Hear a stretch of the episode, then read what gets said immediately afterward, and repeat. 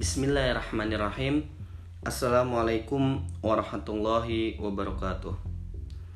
Alhamdulillahirrabbilalamin Wabihi nasta'in Wa ala umuri dunia wad din. Wassalatu wassalamu ala ashrafil anbiya wal mursalin Wa ala alihi wa ashabihi ajma'in. Amma ba'du. Halo kawan-kawan semua Gimana kabarnya pada pagi hari ini? Atau mungkin siang, sore atau malam Kapan pun dan di mana pun anda berada Baiklah, semoga kita semua dalam limpahan dan lindungan Allah Subhanahu wa taala dalam keadaan sehat walafiat. Kembali lagi bersama saya Ahmad Raihan dalam podcast sharing bareng atau kalau disingkat sabar. Pada kesempatan podcast kali ini insya Allah kita akan ngebahas mengenai 6 hal yang dikecualikan dari gibah. Nah, tentunya agak menggelitik telinga nih kalau ngomongin kata-kata gibah karena ini kata-kata yang uh, sedikit familiar untuk orang-orang yang ada di masa zaman sekarang. Mungkin kalau bahasa kerennya kita bilang julid kali ya atau ngomongin orang lain. Nah, penasaran kan tentang enam hal apa saja yang dikecualikan dari gibah, dari dosa gibah. Nanti kita bakal bahas di podcast kali ini. Tentunya kita akan ngebahas juga tentang pengertian gibah, lalu dalil-dalil yang mengenai hal-hal tentang gibah. Jadi, jangan ketinggalan. Tetap pantengin podcast ini. Dan kalau teman-teman merasa podcast ini bermanfaat, jangan lupa sharing ke temannya yang lain biar manfaatnya terasa untuk semuanya.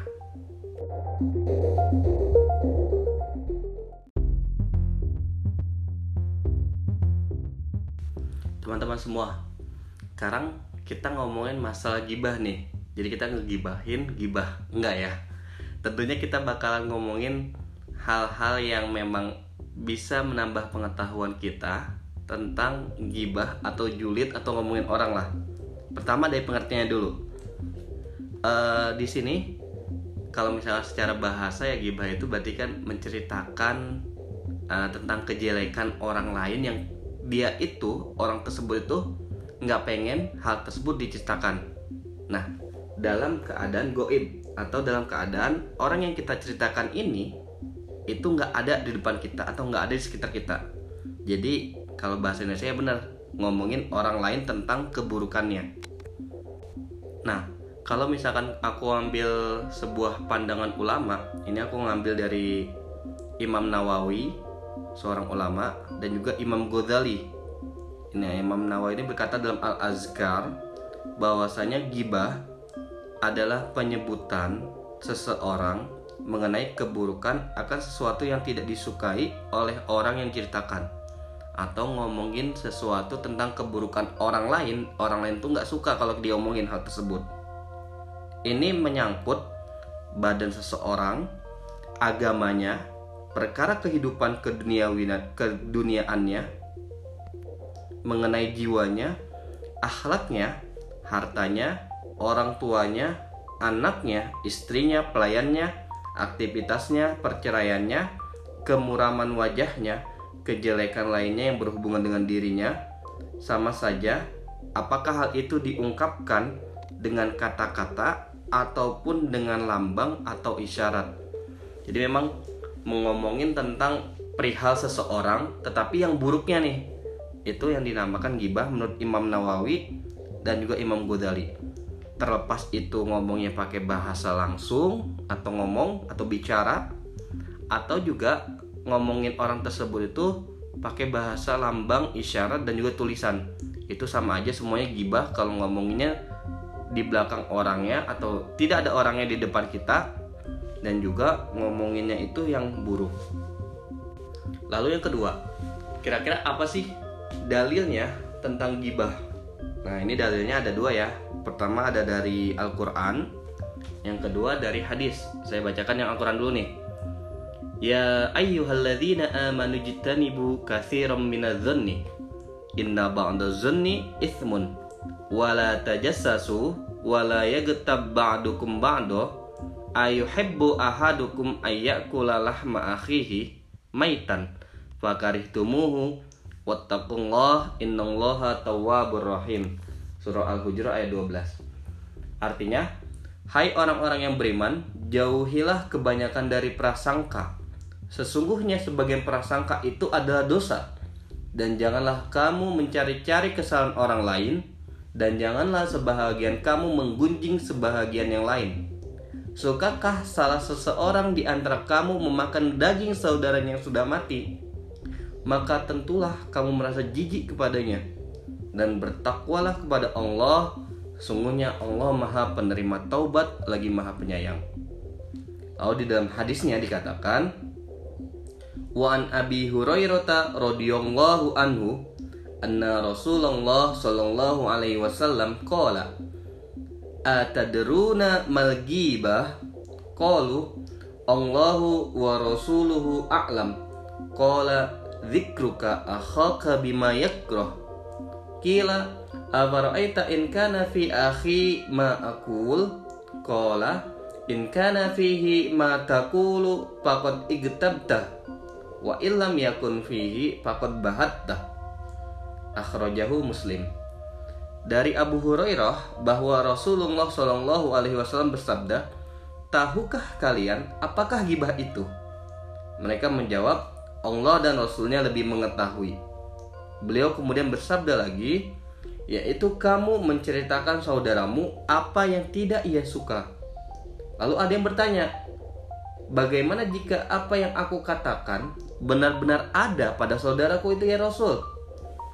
Beliau menjawab, jika padanya memang ada apa yang kamu lakukan, apa yang kamu katakan, maka kamu telah bergibah. Dan jika tidak ada, maka kamu telah membuat kebohongan atasnya atau kamu telah memfitnahnya.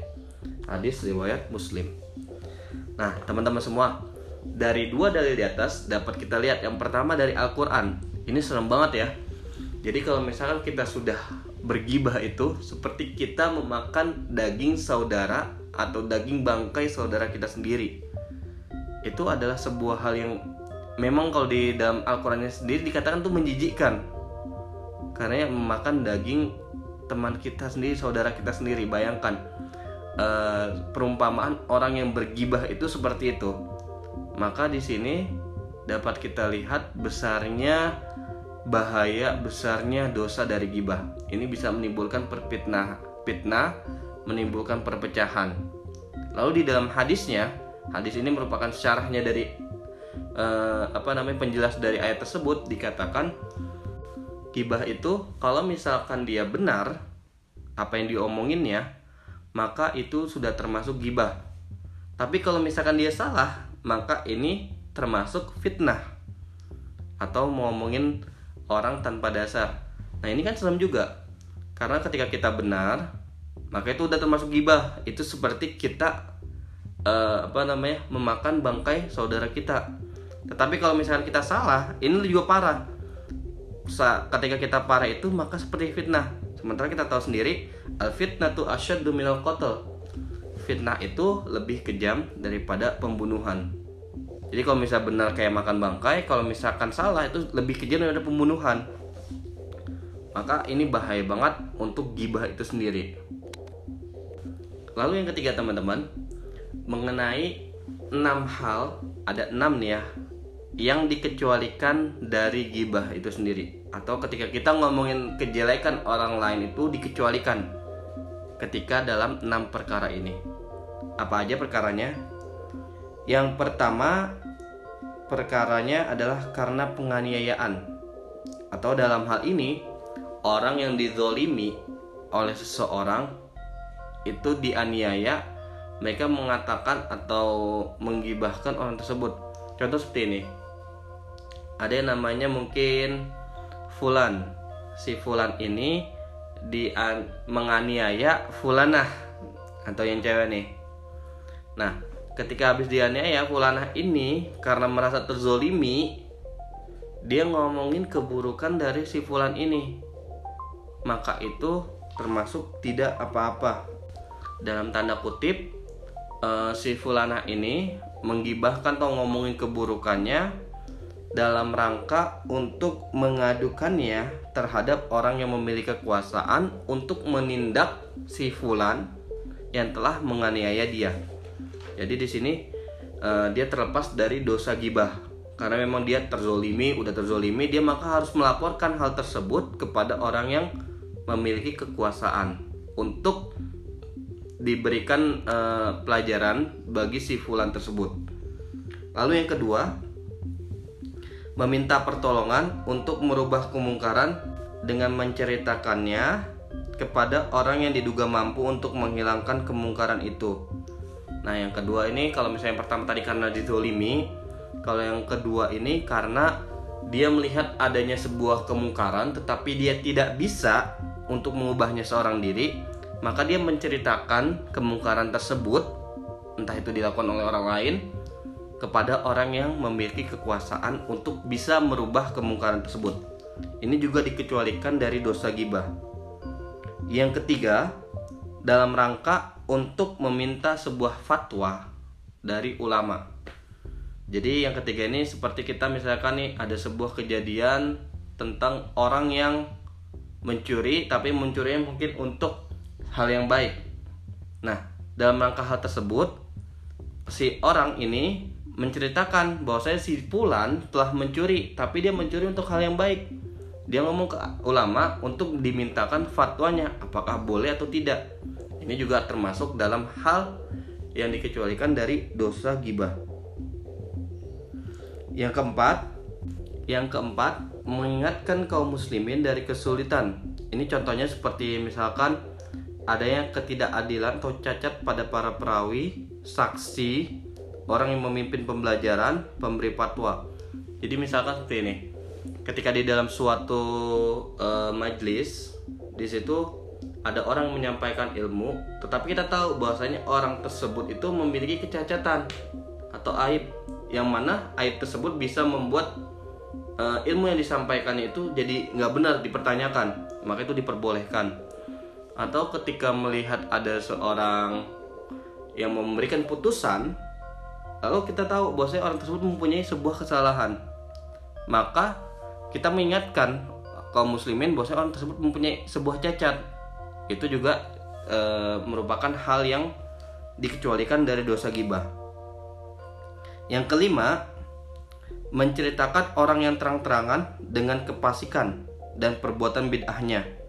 Nah, ini yang kelima ini Contohnya adalah ketika kita tahu dan orang lain semua juga tahu bahwasanya dia adalah pemimpin yang zalim, maka kita ngomongin dia bahwasanya hmm, dia itu adalah pemimpin yang zalim, buktinya ini ini ini ini dan orang lain semuanya udah pada tahu. Maka itu juga hal yang dikecualikan dari dosa gibah. Yang keenam, mendefinisikan atau memperkenalkan seseorang mengenai cacat yang memang ada di tubuhnya seperti contohnya misalkan nih kita mengenalkan teman kita bahwa teman kita memang mohon maaf dia itu buta atau tidak mendengar. Maka itu nggak apa-apa diomongin. Karena untuk memberitahukan kepada orang lain bukan kepada orang lain ya tapi kepada orang yang kita tahu ini tentang bahwasanya orang tersebut memiliki kecacatan. Jadi kita perlu untuk e, memberikan pertindakan atau tindakan khusus. Nah itu tadi Eh, teman-teman semua ada enam hal ya berarti yang dikecualikan dari gibah yang sudah kita bahas. Uh, aku ulangi ya. Yang pertama itu adalah karena dizolimi. Yang kedua untuk meminta pertolongan merubah kemungkaran. Yang ketiga untuk meminta fatwa. Yang keempat mengingatkan kaum muslimin dari kesulitan. Yang kelima menceritakan orang yang terang-terangan dengan kepasikannya dan perbuatan bid'ahnya. Yang keenam untuk mengenalkan mengenai teman kita yang cacat atau kurangnya di mana agar dia bisa lebih dispesialkan. Nah, demikian untuk pembahasan kali ini kita udah ngebahas mengenai gibah atau julid atau mungkin ngomongin orang ya dari mulai pengertiannya lalu juga hadisnya atau dalilnya ayat Al-Qur'annya dan juga tadi enam hal yang dikecualikan dari dosa gibah. Semoga ini semua bisa bermanfaat buat teman-teman semua. Uh, jangan lupa kalau misalkan ini bermanfaat, jangan lupa untuk di-share ke teman yang lain karena ilmu itu lebih baik kalau misalkan didengarkan oleh orang banyak, lebih baik kalau misalkan ilmu itu diajarkan berbagi. Ingat balik walau ayah. sampaikan meskipun satu ayat akhirul kalam saya ucapkan terima kasih banyak sudah mendengarkan. Jangan bosan-bosan untuk mendengarkan jangan bosan-bosan untuk jadi orang baik.